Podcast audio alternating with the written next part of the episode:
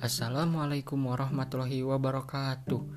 Halo teman-teman, semoga kita semua selalu ada dalam lindungan Allah Subhanahu wa taala di dalam kondisi kritis seperti ini. Baik, perkenalkan terlebih dahulu nama saya Muhammad Jati Purnama dengan NIM 1908338, prodi Pendidikan Kewarganegaraan, kelas PKN 2019A. Di kesempatan kali ini, saya akan menanggapi dan mengomentari podcast hasil diskusi dari kelompok 17 yang beranggotakan Agnia Sabila Kurniawan dan Muhammad Nasrul Rojab. Mereka di sini membahas tentang Place-Based Social Studies Teacher Education, Learning to Teach for Ecological Citizenship while Investigating Local Waste Issue.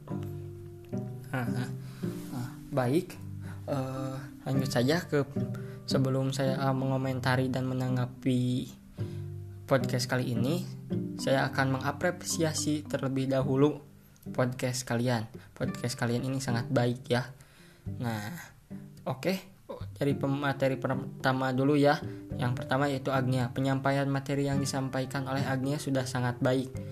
Ya, diingat lagi, Agnia adalah pemateri pertama yang akan menyam, yang akan mengantarkan kita agar lebih memahami materi-materi yang yang berikutnya.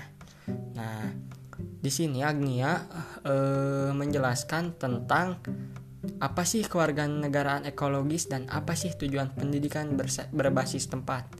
Nah, nah, itu adalah materi yang dipaparkan oleh Agnia.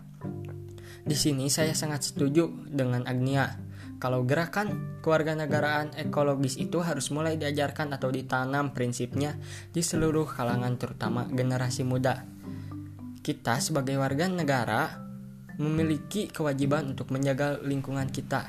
Tak hanya menjaga lingkungan, kita juga harus bisa menjaga ketentraman, kenyamanan saat kita bersosialisasi bers dengan warga negara lainnya agar menciptakan lingkungan yang lebih baik.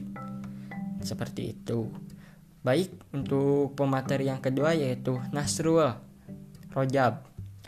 E, penyampaian materi oleh Nasrul juga tidak kalah lebih baik dari Agnia.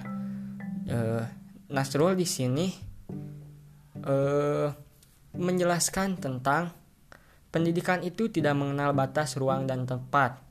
Kita bisa memperoleh pendidikan dan kita bisa mengajarkan pendidikan kepada siapa pun, di mana pun, dan kapan pun itu. Dan konsep pendidikan berbasis tempat ini mendukung gerakan kewarganegaraan ekologis, di mana pendidikan berbasis tempat ini menekankan kepada siswanya untuk lebih menghargai, tempat ia tinggal.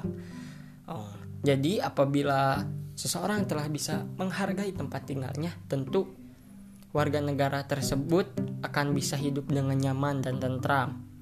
Seperti itu. Mungkin itu saja podcast dari saya. Dan mungkin itu saja tanggapan dari saya. Wabillahi taufiq wal hidayah. Wassalamualaikum warahmatullahi wabarakatuh.